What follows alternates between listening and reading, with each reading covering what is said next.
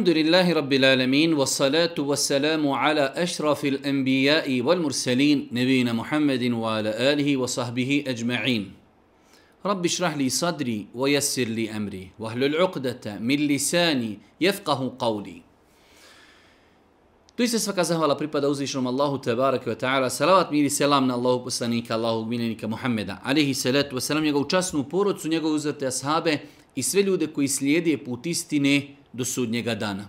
Uvažna braćo i poštovani sestre, uvaženi gledatelji, kao što znate, danas je dan ponedjeljak, nije ustaljeni naš termin, naš ustaljeni termin je srijedom, ali evo, e, pošto imamo dosta pitanja koja dolaze na našu adresu, a imamo i sada e, bajramske praznike, odlučili smo evo da napravimo jedan vanredni termin u kojem ćemo ako Bog da odgovoriti na neki 40 do 50 vaših pitanja.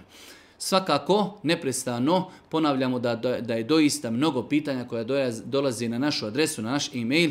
Nemoguće odgovoriti na sva pitanja i mnoštvom pitanja, a i težinom pitanja, jer određena pitanja doista iziskuju i dodato znanje, a i iziskuju e, dodatne informacije, uvažavanje e, ambijenta, prostora i vremena u kojem osoba živi, tako da je nemoguće da odgovorimo na sva pitanja.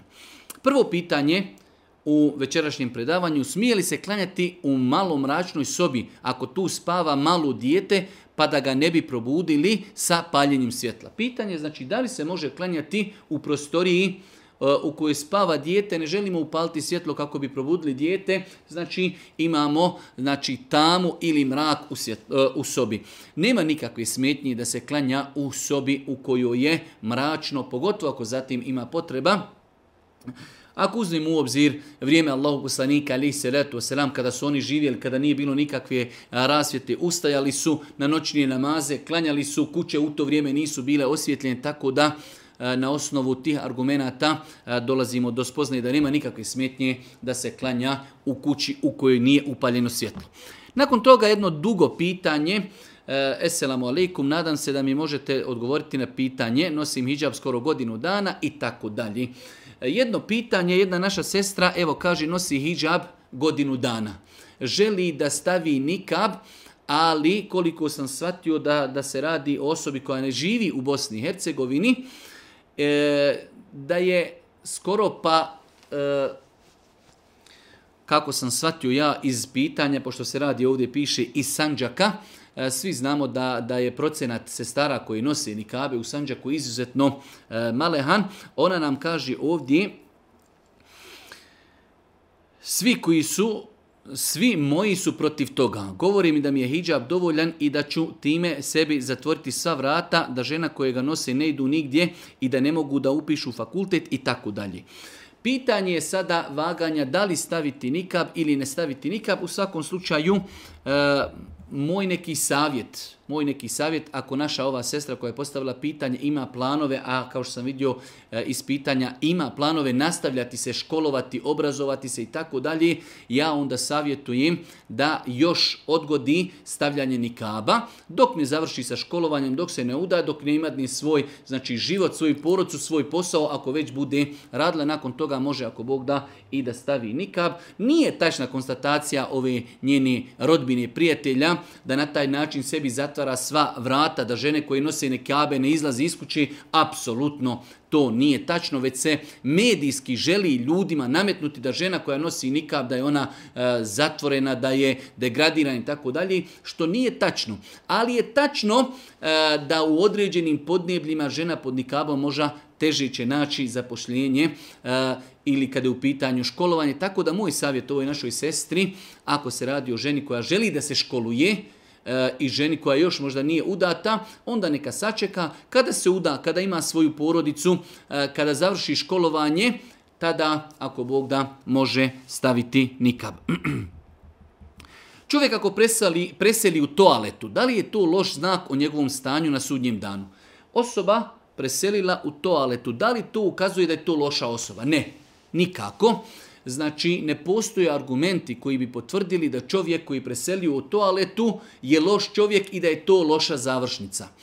E, više je nama bitno, ako već gledamo kakvom završnicom je neko završio, kakva su bila posljednja njegova djela. Da li je insan u zadnjim mjesecima, zadnjim godinama klanjao, da li je postio, da li je e, radio dobra djela, da li je išao nahač s druge strane, da li je išao u kladionice, da li je konzumirao alkohol, drogu i tako dalje.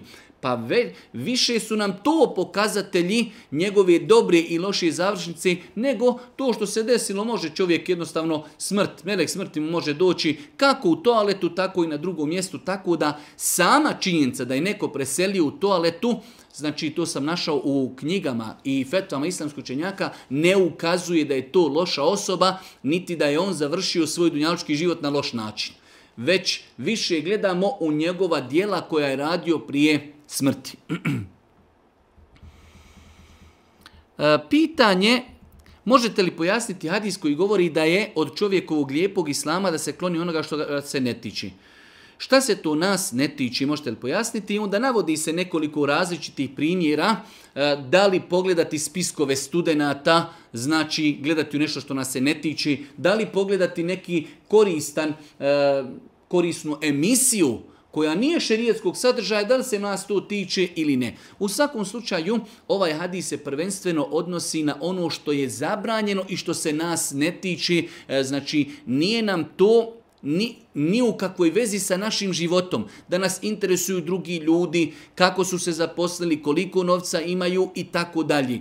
To je nešto što se nas ne tiči. Ali da čovjek e, na fakultetu pogleda spiskove, da vidi ko je od njegovih kolega primljen, ko nije primljen, ili da pogleda neku emisiju, bitno je da je to što gleda halal i dopušteno, samim tim ako Bog da, on je izbjegao e, zabranu da se okupira nečim što ga se ne tiče. Tako da, e, znači, insan treba da se čuva stvari od kojih nema apsolutno nikakve koristi. S druge strane, to mu može donijeti štetu da se interesuje o ljudima, o njihovim, njihovim porodicama, gdje su išli, zašto su išli, koliko novca imaju, što su kupili kuću, što su kupili auto i tako dalje. To su stvari koje se nas ne tiču i nemamo sa tim nikakve veze.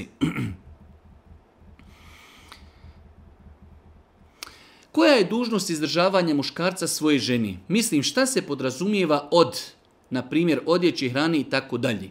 E, pitanje šta se podrazumijeva pod obavezu izdržavanja supruge. Islamski učenjaci kada govori o izdržavanju supruge u islamu. Hvala uzvišom Allahu subhanahu wa pa je islam tako stvari poredao da je muž taj koji zarađuje novac, brine o egzistenciji, e, pa je čak po konsenzusu islamskog činjaka mužu obaveza da obezbijedi osnovne potrebe egzistencije svojoj supruzi. Pa kažu islamski učinjaci obaveza da joj obezbijedi odjeću, piće, hranu i stanovanje. To su znači osnovne elementarne potrebe jednog insana, pa je mužu obaveza da obezbijedi svojoj supruzi hranu, piće, odjeću i stanovanje. To je ono što su kazali islamski učenjaci, opet shodno vremenu i prostoru u kojem čovjek živi. E, smatram da je veoma bitno napomenuti ovdje e, da supružnici u svom životu ne bi trebali da svodi svoju komunikaciju ovo ti je obaveza, ovo je meni obaveza, ovo je moje pravo, ovo je tvoja obaveza i tako dalje. Moramo, znači, imati spremnosti na, na dijalog, na kompromis, mora biti tu e, fleksibilnosti ako se samo supružnici svedu u svoj život, da supruga radi samo ono što joj je obaveza, da muž obezbijedi svojoj supruzi samo ono što mu je obaveza, onda će njihov život biti poprilično prilično krut, bit će zatvoren, dok znači treba tu ostaviti prostora za dijalog, za kompromis, fleksibilnost, pa će muž obezbijediti svojoj supruzi nešto što mu nije obaveza, ali isto tako za e, zauzvrat će supruga uraditi svome mužu nešto što je islam i ne duži. To je znači neki način kako bi trebali da na život gledaju supružnici. Pitanje, imam igračke koje slikavaju žive likove, životinje. Pošto nemam djece u kući, želim ih izbaciti. Objasnio sam majci da je to haram držati u kući i ona mi ne dopušta i naljuti će se ili nešto gorije da bude od toga. Kako da postupim? U svakom slučaju, pitanje igračaka E, po mom nekom skromnom mišljenju, nije nešto što potpada pod pojam zabrane, znači kada je u pitanju zabrane figurica, zabrane, zabrane kipova u kući. Igračke ne potpadaju pod tu zabranu, Allah subhanahu tara najbolji zna. Ali u svakom slučaju ako insan ubijeđen, onda se pitanje vraća pošto ovdje nije e, spomenuto da li je čovjek u svojoj kući ili u kući svoje majke.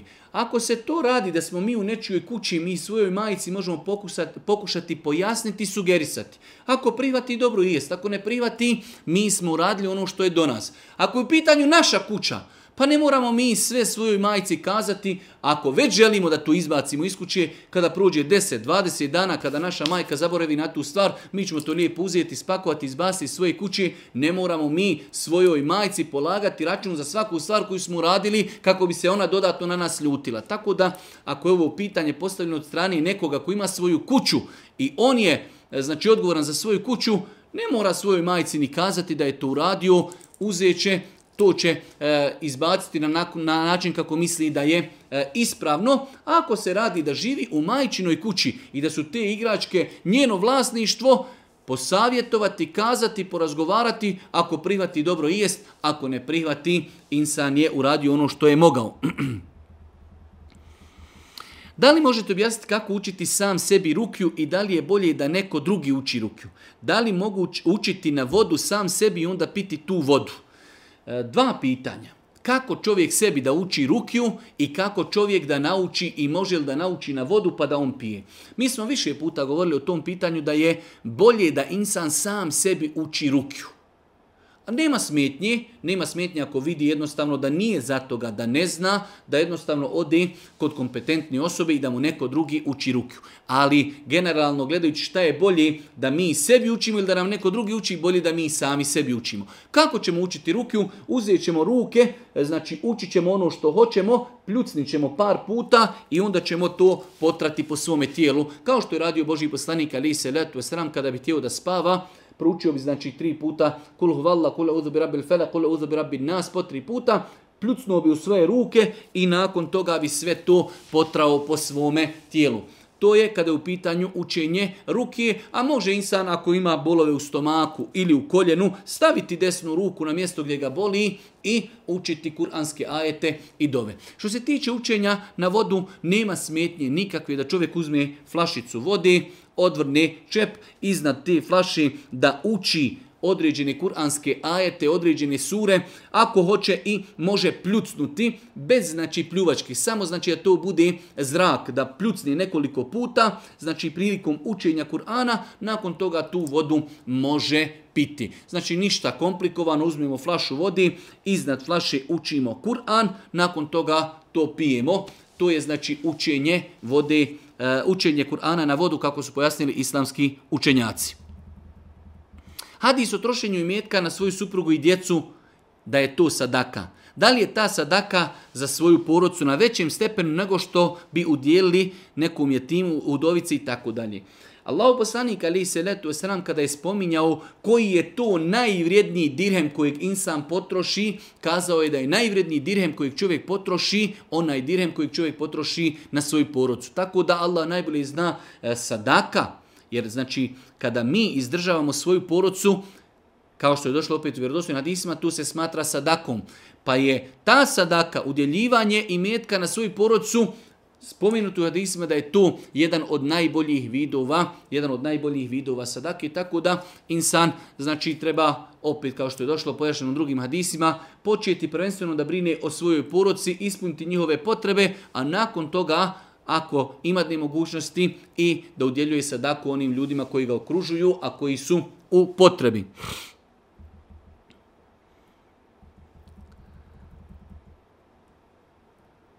Da li je dozvoljno bacati pata, petarde za Bajram? Bacati petarde za Bajram možemo gledati s nekoliko različitih e, aspekata. Prva stvar, e, da li u tome ima rasipanje novca? Ako se radi o nečemu što košta 2, 3, 4, 5 maraka, Allah najbolje zna to nije sporno. S druge strane, da li time uznemiravamo druge ljude? Nekada imate jednostavno toliko jakih petardi da, da zaista to uznemirava komšiluk i uznemirava i straši druge ljude. Isto tako treba gledati da li ima u tome išta sporno s aspekta države. Da li država osporava ili ne osporava korištenje e, znači petardi za Bajram. Ako E, država ne osporava da se to koristi, ako time nećemo uznemiravati svoje komšije i ako nećemo zato dati neki ogroman novac, da ćemo dati nekoliko maraka, čisto onako malo veselja radi, ako Bog da to nije sporno. Znači, ako E, država to dozvoljava, ako time nećemo uznemiravati svoj komšiluk, ako zato nećemo dati neka ogromna sredstva, ako su to neke manje pare, nadamo se inšala da u tome nije ništa sporno, ali pod ova tri uvjeta koja smo spomenuli.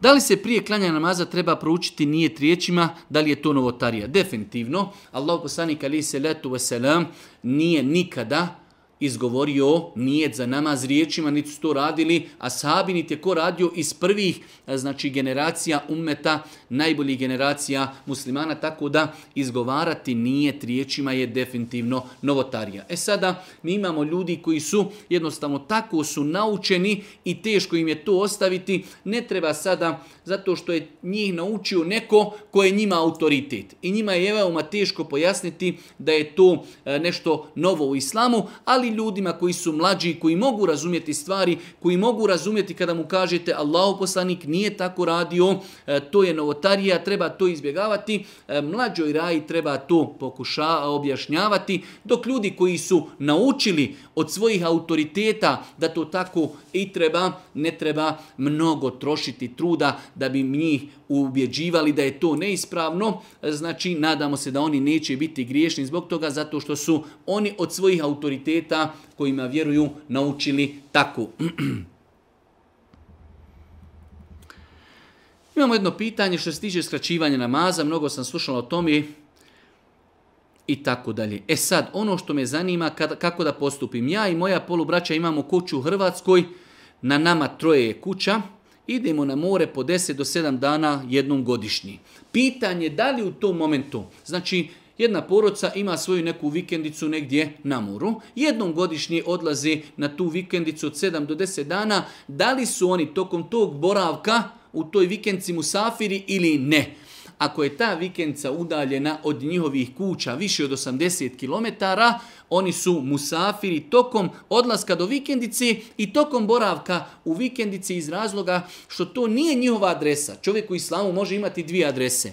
Imamo čovjeka ima kuću gdje živi, u Zenici i imamo kuću gdje živi u Švicarskoj. Pa živi u Švicarskoj dva, tri mjeseca, pa bude u Zenici dva, tri mjeseca i tako dalje. Čovjek u islamu može imati dvije adrese. Ali ovo nije adresa. Ovo se radi o jednoj vikendci koju čovjek će možda koristiti 5, e, 7 ili 10 dana. Jest to njegovo vlasništvo, ali nije to njegova adresa. Tako da Allah najbolje zna u ovakvoj situaciji. Znači, kada insan otputuje negdje, e, znači, bez obzira što je tu njegovo vlasništvo, može se brojati da je musafir ako to nije njegova adresa gdje živi. Možete li pokazati dok je dovoljno da žena prilikom uzimanja abdesta potire glavu? Više puta smo o tome govorili, znači za naše sestre koji imaju dugu kosu, muškarci kada potiru glavu, stavići ruke na čelo, otići do kraja znači do potiljka i vratiti. Tako će vratiti muškarci. Žene koje imaju dugu kosu dovoljno je da znači mokre ruke stavi na čelo i da potaru do kraja, znači svog potiljka tu do vrata. I nakon toga će dignuti ruke. Vraćanje znači ruku bi sigurno poremetilo kosu i frizuru, tako da nema potrebe. Dovoljno je da znači mokrim rukama stavi ruke na čelo i da potaru svu svoju kosu do vrata, do potiljka, nakon toga će dignuti ruke. Nadam se, inšala, da je to dovoljno pojašnjeno. Kakav je vaš stav po ovom pitanju, odnosno savjet? Kao maloj su mi još u komšiluku donosili vitre, zekijat i jasin novac. Znači imamo ovdje jednu našu e, sestru, pitanje postavlja, ona je odrasla kao jetim. E, ljudi joj donose zekija, donose je vitr i donose joj novac kao nagradu što ona prouči nekome neki jasin. Pitanje je li dozvoljeno da to ona i dalje uzima, vraća se na njeno e, stanje imovinsko. Ako je i dalje siromašna, ako nema redovna primanja, ako nema dovoljno primanja da živi nekim normalnim životom, e, vremena i prostor u kojim se mi nalazimo, dovoljno, dozvoljeno je da uzme znači zekijat i dozvoljeno da uzme sadekatul fitr jer sada kad fit rekli smo prvenstveno se dijeli siromasima. Tako da znači e, vraća se pitanje na potrebu. Ako ova naša e, sestra e, znači ima i dalje potrebu, to što ona jetim ne mora jetim može biti imat milione ali je jetim. Mi pitanje ne vraćamo za termin jetim, već vraćamo za njeno trenutno stanje. Ako nema potrebu za tim, onda to ne smije uzimati. Ako ima potrebu, znači nema dovoljno e, redovni mjesečni e, primanja da može od toga normalno živjeti u vremenu i prostoru u kojem se mi nalazimo, ima pravo da to nadomjesti iz zekijata i sadekatul fitr. Ovo govorimo samo o uzimanju sadekatul fitra i e, zekijata. Kada je u pitanju uzimanje novca za učenje Kur'ana, moj savjet je da ljudima pojasni da oni trebaju učiti Kur'an svojim mrtvima, pa čak da im dadni kao vid alternative, dovoljno da proučite tri puta Valla i to će vam se smatrati kao jedna hatma, jer Boži poslanik Ali se ratu je kazao da kulhuvalla sura ihlas vrijedi kao trećina Kur'ana. Ali učiti ljudima Kur'an za njihove mrtve, nakon toga uzimati e, znači poklon ili nagradu E, ja svakako bi preporučio da se to ne uzima. Imamo jedno malo duže pitanje. Ja hvala Allahu klanjam više puta, mu jezinim u jednoj džami, redovan sam u džami i tako dalje. U svakom slučaju na kraju je pitanje, ali eto, na društvenim mrežama širim islam svakodnevno. Volio bih da mi odgovorite e, i date par savjeta. Pitanje je e, kontakt sa ženama na društvenim mrežama. Širenje islama. E, ako je u pitanju širenje islama javno, da čovjek ima svoj profil na kojem će objavljivati nešto što će ljudi čitati, to inšala nije sporno. Ali kontaktirati sa osobama suprotnog spola kojima čovjek nije mahrem, na privat sa njima e, širiti islam i pozivati, e, to vjernik ne bi trebao da radi. Znači imamo širenje islama javno. Čovjek ima svoj profil, ima svoj zid i objavljuje ajete, hadise, iz knjiga o islamu, nešto govori u redu. Ali, e, znači, javljati se djevojkama privatno sa njima razgovarati o islamu, to ne bi čovjek vjernik trebao da radi. Znači, e, moramo napraviti razliku između kontaktiranja na privat i imamo razliku između javnog pozivanja ljudi u islam.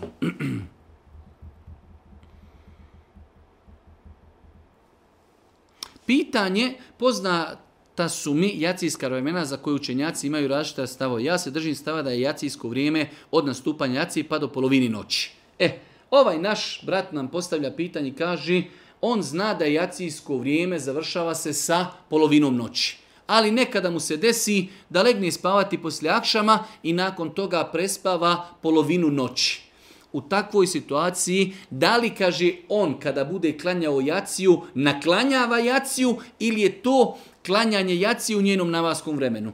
E, znači, kao što je pojašnjeno u pitanju, e, islamsku činjaciju u pogledu dokada jacija namaz traje imaju podijeljena mišljenja. Ono što je najjače mišljenje jeste da je e, jacija traje do polovine noći ali su kazali islamski učenjaci, pošto nakon jacije, do sabaha, do zorije, nema nikakvo namasko vrijeme, za ljude koji imaju ogromnu potrebu, bolesnik ili neko koji jednostavno u sličnoj ovoj situaciji prespavao je, insan kada ustane, klanjaće, će jaciju i to se smatra redovnim klanjanjem namaza, nije to naklanjavanje. Kazali su islamski učenjaci da ako bi insan odgađao jaciju do poslije pola noći, bez validnog razloga, on je tada griješan. Ali ako bi čovjek imao opravdan razlog ili prespavao, tada ako Bog da, kada ustane klanjače i to se ne smatra naklanjavanjem, pošto još jacijsko vrijeme, znači nije nastupilo novo namasko vrijeme, nije još nastupio saba, znači ima priliku da klanja namaz, ako Bog da to se smatra klanjanje namaza u njegovom vremenu, ali ne smije se poigravati da odgađa klanjanje jacije nakon polovine noći, bez opravdanog šerijetskog razloga. Kakav je stav učenjaka u pitanju ostavljanja sunneta ako je čovjek umoran, pospan, pa ako bi klanjao sunnete imao bi manje koncentracije na farzima? Nema smetnja ako insan umoran, da klanja samo farze i da legne spavati. Ako bi klanjao i sunnete i farze, znači jednostavno toliko je izmoren da, da se ne bi više mogao na farzima nakon toga koncentrisati. Nema nikakve smetnje uz Allahu pomoć da insan obavi ono što mu je stroga obaveza, to su farzi i da nakon toga legne spavati. A inšala kada bude horan, kada bude znači odmoran, tada će klanjati i sunnete i farze. Pitanje da li je dozvoljeno jesti u restoranima u kojima se također poslužuje alkohol? U svakom slučaju ovo je jedno savremeno pitanje. Ono što mi možemo kazati uzimajući u obzir e, činjenično stanje, vremena i prostor u kojem mi živimo, da je bolje takve restorane izbjegavati pod uvjetom da hrana koja se kod njih konzumira je halal. Znači i bolje izbjeg. Ne kažemo da je haram kod njih otići. Bilo islamskih učenjaka koji kažu restorani koji u svojoj ponudi imaju alkohol, zabranjeno je kod njih konzumirati ono što je halal. Ali mislim da je to malo prežestoko mišljenje. Većina nas odlazi u supermarkete i uzima mjesečnu podmiru ili u prodavnice u kojima ima alkohola. Pa nema razlike, po mom nekom skromnom mišljenju, između restorana u kojem ima halal hrana, ali i taj restoran ima i alkohol. Mi naručujemo ono što ćemo mi jesti i mi smo odgovorni za svoju trpezu.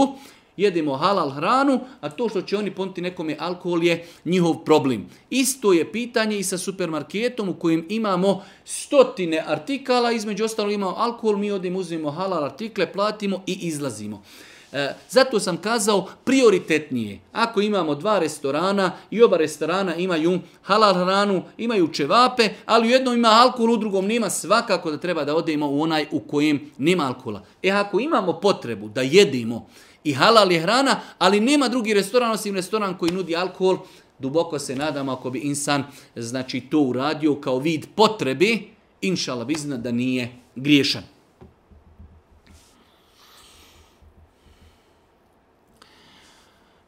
Esselamu alaikum. Pitanje glasi kada dijete od 3 do 4 godine preseli, da li će se moći zauzimati na sudnjem danu za svoje roditelje?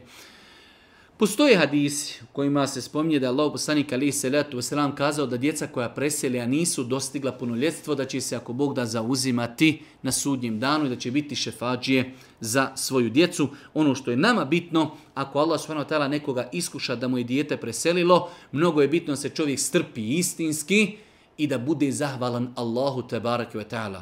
Da se ne srdi, da ne psuje i da bude zahvalan Allahu subhanahu wa ta'ala na onome što ga je zadesilo. Ako ispuni se ovi uvjeti, nadamo se ako Bog da, da će insan biti obuhvaćen e, šefatom za uzimanjem svoje djece koja su umrla, a nisu dostigla punoljetstvo na sudnjem danu. U dilemi sam oko kurbana da li je dozvoljeno uplatiti kurban u javnu kuhinju. Dakle, iznos je isti kao i kod kupovine kurbana. Braćo moja draga i cijene sestre, islamski učenjaci, imamo tu nekoliko pitanja. Prvo imamo pitanje da većina islamskih učenjaka kaže da je e, klanje kurbana potvrđeni sunnet onome koji je imućan. Tako da, e, znači, ako insan i ne bi zaklao kurban, inšala, nadamo se da nije griješan. S druge strane, većina islamskih učenjaka je kazala da ako čovjek ima da bira, da da pare na sadaku i da zakolje kurban, bolje je po mišljenju četiri mezheba da zakolje kurban. Jer je to poseban ibadet u tom danu. Pa je znači, ako mi imamo javne kuhinje koje imaju u svom programu da imaju kurbane i oni će za nas zaklati kurban pa će to meso koristiti u, znači, u svojim varivima ljudima koji će dijeliti hranu ekstra. To je najbolje, znači ako oni imaju svoj program, da imaju kurbane, ali da mi u protuvrijednosti dadnemo taj novac, onda treba da znamo da nismo zaklali kurban, bilo je bolje da zakoljimo kurban, mi ćemo biti nagrađeni za svoju sadaku. Prioritetnije je u takvim slučajevima da čovjek zakolje kurban, ako može taj onda kurban uzeti, odnijeti u javnu kuhinju, ako Bog da nije napravio, znači napravio je dobro djelo i nije nikakvu grešku napravio. Kada je u pitanju, znači, davanje sadaki, u vrijednosti kurbana šta je bolje urati, bolje kurban zaklati. Pošto je to ibadet koji imamo samo jednom godišnji. Četiri mezeva su kazala da je bolje zaklati kurban nego dati sadaku protu vrijednosti. Ako čovjek može to dvoje objediniti, pa zaklati kurban i dati ga nakon klanja u neku javnu kuhinju, to je ekstra. Ako dadni novac za javnu kuhinju, on je uradio hajr, dao je sadaku, ali nije zaklao kurban. Da li smo dužni halaliti osobi koja nikad nije halala tražila, a mnogo smo nepravdi i zulno doživjeli takve osobi? Nije nam obaveza. Kako će nam biti obaveza? Nije nam obaveza kada nam traži halal. Znači ako nam je neko načinio grešku, zulum, nepravdu i dođe traži halala, nije nam obaveza da mu halalimo. Da, lijepo je ko može da halali. Ali osoba koja ne traži halala i još mu mi kažemo, trčimo za njim da mu halalimo, to je podržavanje takvih osoba u njihovom zulmu i nepravdi. Tako da, znači u osnovi, insan kada mu neko uskrati njegova prava, nije mu obaveza da halali kad mu traži halal, a pogotovo ako ne traži halal. Kako postupiti kada nana kune svoje unuče, svoje dijete? Kako postupiti? Pa ne možemo ništa osim na lijep način posavjetovati, kazati da je to neispravno, da ne daj Bože ta dova se može uslišati pa da sutra žali zbog toga što je govorila. E, iako insan ne treba da se boji ako neko proklinje, a nema validan razlog zbog proklinjanja i zbog dove koju upućuje protiv nekoga, ali u svakom slučaju treba to izbjegavati tako da insan će na lijep način toj osobi koja radi takvu stvar kazati da je to zabranjeno u islamu. Allah poslanik letu sram je zabranio da se ljudi poigravaju proklinjući nekoga. Tako da, e, znači, na lijep način pojasniti da je to zabranjeno u islamu. Može se desiti da dova bude primljena pa da poslije ljudi žali, kao što imamo pitanja koja nam dolazi na e-mail, e, majka je dovila protiv svoga djeteta, e sad dijete tražilo halala, ona mu je halala, ali šta će sa onom dovom? Pitanje. Tako da, znači, treba pojasniti osobama koji se poigravaju da dovije protiv svoje djece i svoje unučadi, da to ne trebaju raditi. Pitanje, svekar ima poslovni prostor koji iznajmljuje i evo e, ove godine čovjek će mu isplatiti unaprijed dvije kirije. On je, znači, čovjek ima poslovni prostor, uzeo je dvije kirije unaprijed da bi mogao sebi i sinu kupiti kurbane. Jesu li ti kurbani validni? Jesu validni i validan je kurban kojeg je on uzeo sebi jer je naplatio kiriju unaprijed, a validan je kurban kojeg je on kupio pa dao svome sinu da njegov sin zakolje taj kurban za sebe za svoju porodcu. Znači, nema u tome ništa sporno. Znači, čovjek ima svoj lokal, iznajmio ga je, unaprijed je uzeo dva mjeseca kirije, uzeo je, kupio je kurban sebi, kupio je svome sinu, da li je to ispravno? I kako ispravno. Šta osoba koja je pokrivena smije oblašiti pred svojim mahremima? Šta osoba, znači imamo sestru koja je pokrivena nosi hijab i sestru koja nosi nikab, unutar u kući kada sjedi sa svojim rođacima s kojima ne može stupiti u brak. To je mahrem. Mahrem je osoba s kojom žena ne može stupiti u brak kao njen otac, kao njen brat, kao njeno dijete i tako dalje, njen amidža, šta pred njima smije otkriti? Kažu islamski učenjaci, smije otkriti ono što žena u nekom normalnom ambijentu u kući otkriva pred ženama. Smije biti bez mahrame, smije biti u majici kratkih rukava, smije biti u nekoj suknji koja je do, do koljena ili ispod koljena. Znači to su neke stvari koje žena otkriva pred svojom djecom, pred svojim ocem, pred svojim amidžom. Znači jednostavno e, ko su smije otkriti? Smije obući majicu kratkih rukava, suknju tu negdje do koljena, ispod koljena, to su neke stvari koje žena muslimanka smije otkriti pred muškarcima, koji su joj mahremi s kojima ne može trajno stupiti u brak. Svakako o nekim vanrednim situacijama ne želimo govoriti, ali u nekim normalnim uvjetima znači smije otkriti ono što otkriva pred ženama, znači ono što žena otkriva pred ženama. Kada ju dođu neke žene iz mahale piju kahvu, žena šta nosi? Nosi neku majicu kratkih rukava, nosi neku e, tuniku, nosi neku suknju koja je ispod koljena, otkrivene je glavi u kući svakako. To je nešto što smije nositi i pred muškarcima koji su joj mahremi. Imamo ovdje onu poznatu našu pohvalu koju smo objavili. Jedan brat nam je uspio od Ramazana u 13. emisija, postavio je 37 pitanja. Od tih 37 mi smo mu odgovorili na 33 pitanja, pa eto, on je iskoristio priliku da nam se zahvali, što smo ostavili mogućnost da putem e-maila ljudi šalju pitanja. Evo vidite, imate ljudi koji su se, hvala Allah subhanahu wa ta'ala, dosta okoristili od 37 pitanja od Ramazana u 13. emisija mi smo ovom našim bratu odgovorili na 33 pitanja. Baš neko čestit.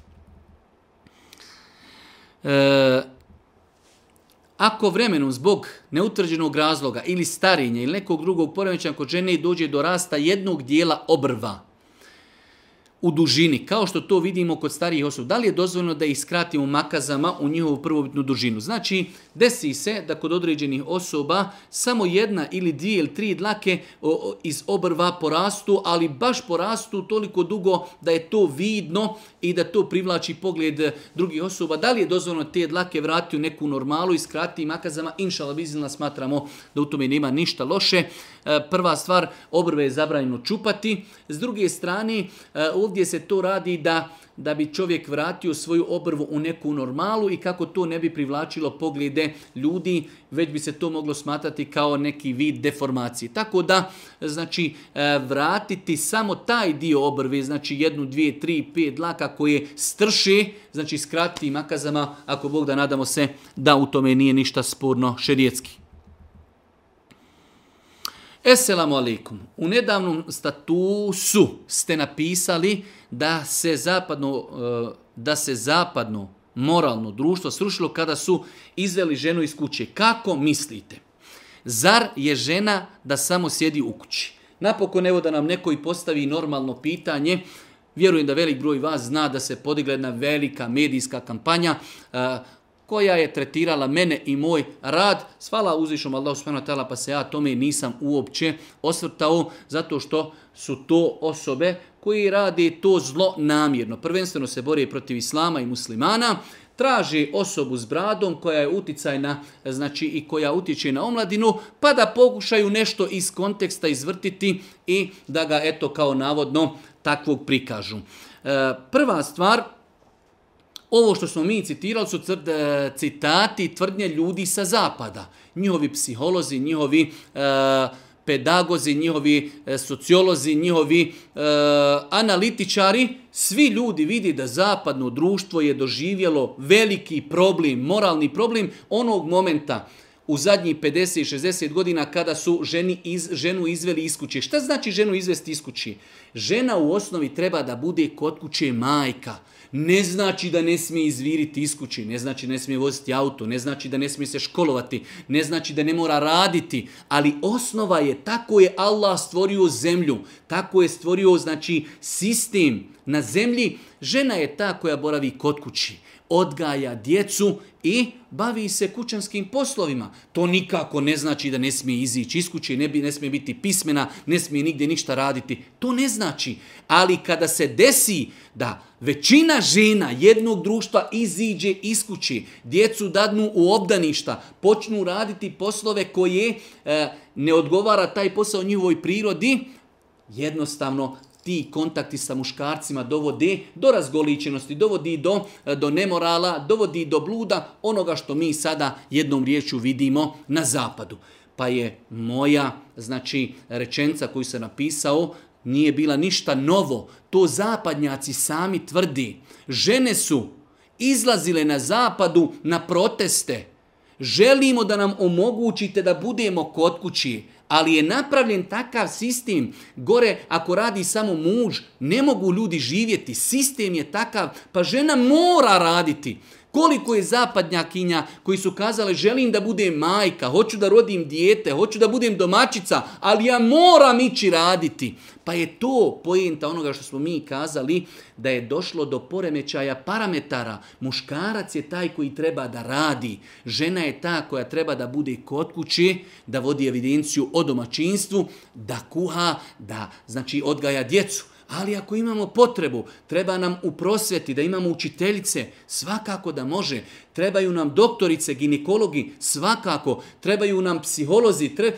Znači žena ako ima potrebu da iziđe, da radi, može da radi posao koji odgovara njenom tijelu, njenoj psihi i da bude potreba. Ne, da imamo žene radi poslove koji bi radili muškarci. I onda je to dovelo do jednog velikog moralnog kraha. Ko to vidi, vidi, onaj ko ne vidi, mi mu to ne želimo crtati.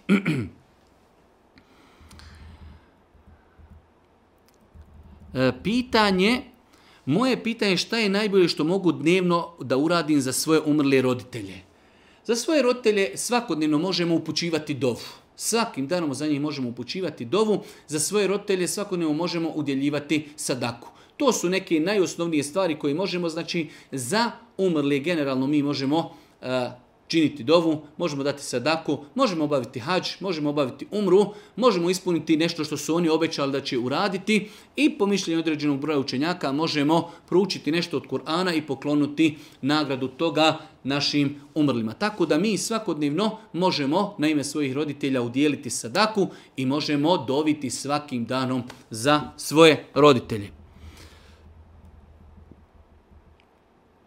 Znam da Islam dozvoljava čuvanje mačke u kući, ali me zanima e, koliko je dozvoljeno kastriranje mačke. Ako ima potreba, kazali su islamski učenjaci, e, da ako ima potreba, a potrebe su znači različitog, različitog, ajde da kažemo tipa, ako ima potrebe za kastrirane mačke, islam u tome ne vidi ništa sporno. Šta je ispravno za zaštitu poslije uspješnog liječenja od cihra. Kako se zaštititi nakon što se čovjek uspješno izliječi od sihra? Mnogo je stvari koje čovjek bi trebao da pazi, a to su osnovne stvari koje bi čovjek trebao da živi sa tim stvarima u islamu.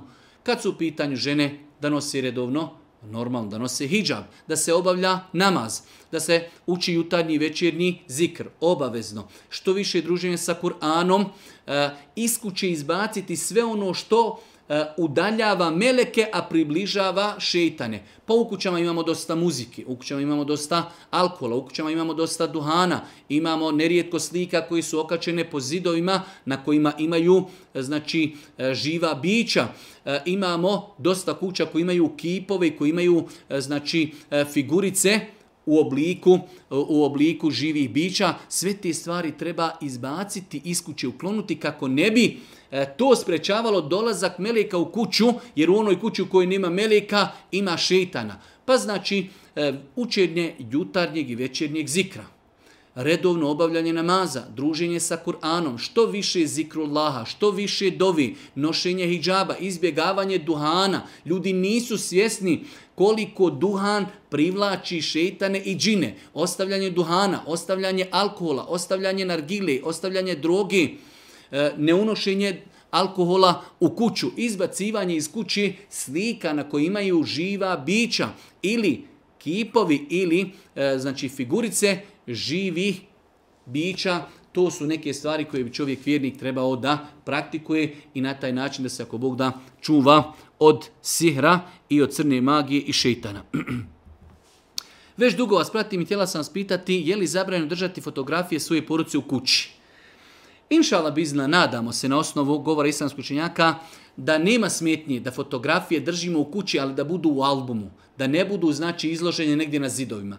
Jer ono što je zabranjeno da imamo slike živih bića koje su postavljene na zidove. Tako da nadamo se, inšala, nadamo se, iako je bilo islamskih učenjaka savremenog doba koji su smatrali da čovjek ne bi trebao fotografije da drži u svojoj kući, ali Allah najbolje zna, inšala, eh, te fotografije nisu eh, ciljane da se stavljaju na zid i da se veličaju, već je to nešto što ljudi drže kao vid neke uspomeni. Tako da ako bi slike bile u E, albumima i ne bi se stavljale na zidove ili na neka mjesta, e, ne znam, nija druga neka mjesta, e, u neke ormare ili regale, da to bude vid veličanja tih slika, onda je to sporno, dok držanje slika u albumima, inšala, ne bi trebalo da bude sporno.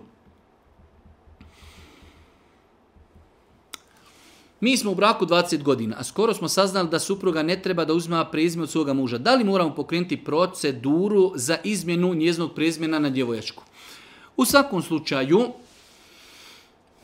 dovoljno je inšala da se insan pokaje od tog grijeha, to je jedan korak. Drugi korak, ako im to ne predstavlja poteškoću veliku, znači da to vrati u prvotno stanje, to je dobro. Ono što je bitno jeste da ta žena koja ima to prezime, kad se predstavlja kod ljudi, ona će se predstavljati po svome prezimenu. Kada se potpisuje negdje gdje to nije e, oficijalni neki papir, znači negdje e, gdje, gdje to nije da mora biti, e, znači da se podudara onome što je napisano na našim dokumentima, lična karta i pasoš, tada će se osoba predstavljati po svome imenu i prezimenu djevojačkom ali ako se već potpisuje negdje gdje je potpis potreban, napisat će onako kako piše u pasošu i u ličnoj karti. Ako može, bez nekih velike opterećenja da to i promijeni, nije loše i da promijeni. Kako po islamu izrasti saučešće osobi koja imala smrtni slučaj u familiji? Kažu islamski učenjaci da ne postoji nešto posebno što je naređeno kako i na koji način da mi izražavamo učešće. Tako da svaki način na kojim ćemo mi, putem kojeg ćemo mi pojasniti osobi da se mi sa njim suosjećamo, da nam je teško, gdje ćemo ga podstaknuti da, da se strpi, da očekuje nagradu uzvišnog Allah, sve je to dopušteno. Pa da mu reknemo na arapskom, da mu kažemo imate neke ovi... E, E, poznate načine koji se koriste, koji su turskog porijekla, na bosanskom jeziku, da proučimo dovu, poznata dova od prenesena od Božih poslanika, inna lillahi ma Ahate wa lahu ma a'ta, wa kullu šein indahu ila eđelim musemma, wa kullu indahu bi eđelim musemma, fel tasbir wali tahtesib, Znači, Boži poslanik je znao nekim ljudima, ako im neko umrije kazati, e, Allahu pripada ono što je dao, Allahu pripada ono što je uzeo, sve na dunjalku kod njega ima svoj vremenski period kada će sve nestati, strpite se, očekujte nagradu od uzvišnog Allaha. Znači ne postoji neki poseban način kako se saučišće izražava, E, sve ono što je poznato u jednom načinu da, da se na taj način izražava saučešće, a u sebi nema ništa sporno šerijetski, da čovjeka poselamimo, da ga zagledamo, kažemo strpite se, Allah vas nagradio i tako dalje. Sve je to ako Bog da ispravno i dopušteno. Imam 23 godine i nisam ranije znao da klanjam. Nisam odgojen u porci koja je prakticirala vjeru. I gledajući vaše videoklipove kako objašnjavate da se nauči klanjati, pa želim da pitam, ako naučim da klanjam saba da li smijem da probam klanjati i kad nije vrijeme sabaha? Znači ovaj naš brat ima 23 godine, on je, hvala Allahu, naučio friško da klanja. Nije odrastao u poroci gdje su ga slali u mejtev da kao dijete nauči. I e sada njega interesuje, naučio je klanjati, smije li on taj namaz klanjati mimo namaskog vremena. Nema nikakve smetnje. Znači, e, ako bi rekli e, čovjek nakon sabaha, nakon što sunce oskoči, to je period duha namaza. Nema smetnje da čovjek zanijeti dva rekiata duha namaza, duha namaz se klanja potpuno kao sabah namaz. Na taj način se on lagano podučava, na taj način se privikava i isprobava je li ispravno sve i naučio. Tako da, ako Bog da, nema smetnje da čovjek taj namaz pokušava klanjati i mimo namaskog vremena kako bi utvrdio da li je, ako Bog da, naučio klanjati.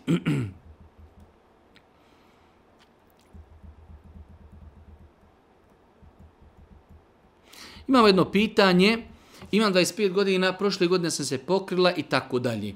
E, žena pita, pošto ima roditelje koji imaju prodavnicu i u toj prodavnici od tih svih, nažalost, artikala ima i alkohol, pa oni od tog novca toj ženi kupe neki poklon. Da li ona može uzeti taj poklon? Nadamo se, inšala biznila, da ona, da žena može uzeti poklon od osobe čiji imetak je u većini halal, ali je pomiješan sa malo harama, da li je to duhan, da li je to prodaj alkohola. Iako, evo ovu priliku želim da koristim, e, da pozovem sve te naše e, biznismene, ljude koje imaju obrt, prodavnice, radnje, da iz svojih radnji uklone ono što je zabranjeno. Na prvom redu mislimo duhan i alkohol. Insan treba da zna da je to od e, artikala u prodavci možda ne prelazi 1 ili 2 od a time prlja svoj imetak pod jedan. Druga stvar, e, e, potpada pod stroge, na, stroge zabrane koje je izrekao Allah poslanik alaihi salatu wasalam, širenje onoga što je zabranjeno, prodavanje onoga što je zabranjeno, pa insan na taj način je E, bio razlogom širenja onoga što je zabranjeno. Insan treba da se osloni na uzvišenog Allaha. Nafaka dolazi od Allaha. Ne može se nafaka povećati prodavanjem onoga što je zabranjeno. Koliko je prodavnica u kojima nima alkohola i alhamdulillah posluju. Pa insan kojim šeitan dođe i kaže pa kako će ti poslovati prodavnica, pa kako posluju one druge prodavnice gdje nema alkohola i gdje nema duhana. Pa bi vjernik koji se boji Allaha, vjeruju Allaha, vjeruju sudnji dan, vjeruju polaganje računa, interesuje ga da njegov dinar bude halal, svjestan da će polagati račune za svaki milimetar, svaki dinar, svaki dirhem, svaki fening svoga imetka, trebao bi da iz svoje prodavnice izbaci ono što je zabranjeno. Na prvom redu mislimo na alkohol i na duhan, a Allah je taj koji daje rizik i na faku. Insan treba da vjeruje u Allaha i da se osloni na njega subhanahu wa ta'ala. Da li je ženi koja nije udata dozvoljeno da ima svoj biznis, posao, te da posluje sa ženama, muškarcima, naravno poštujući islamske propise? Pitanje koje se nadovezuje na prijetom da li žena dozvoljena da izučava prirodne nauke kao što je matematika ili na primjer programiranje te date, tim znanjem zarađuje i pomaže svojim roditeljima. Već smo jednom odgovorili na ovo pitanje, ali vjerovatno ova naša sestra nije poslušala naš odgovor, pa ćemo ponovo odgovoriti, nema smetnje nikakve. Da žena, mlada, neudata, ima svoj biznis. Bitno je da svoj biznis u okviri, u granice islama da posluje sa ženama, ako već posluje sa muškarcima, da njena konverzacija sa muškarcima bude u granicama poslovanja. Da li je dozvoljeno da studira matematiku, informatiku, programiranje? Svakako dozvoljeno. Da li je dozvoljeno da putem toga zarađuje novac i da pomaže svojim roditeljima? Apsolutno dozvoljeno. Znači samo je bitno da kada programira, kada izučiva, kada studira, da na taj način tim poslovanjem ne radi ništa što je zabranjeno u islamu da li nakon džume klanjati, treba klanjati podne i džumu kao zamjena za podne. E, više puta smo o tome govorili. E, Allah poslanik alaihi salatu wasalam klanjao je samo džumu nama, Nakon džumi se može klanjati ili dva rekata ili četiri rekata shodno znači čovjekovom tijenju. Može klanjati dva ili četiri rekiata na fili. Klanjanje podne nakon je džume je neutemeljena stvar. E, velik broj islamskih učenjaka iz E, znači čak s našeg podneblja je ukazivao na neispravnost takvog postupka, tako da e, jednostavno sam sebi postavljam pitanje pa dokada će se to na kraju krajeva kod nas i prakticirati klanjanje podni namaza nakon džumi, ako smo klanjali džumu namaz, mi time završavamo svoju obavezu petkom, možemo nakon toga klanjati dva ili četiri rekiata, tako da nadamo se inšala će doći vrijeme da se donese odluka da znači da se podni namaz neklanja nakon džumi.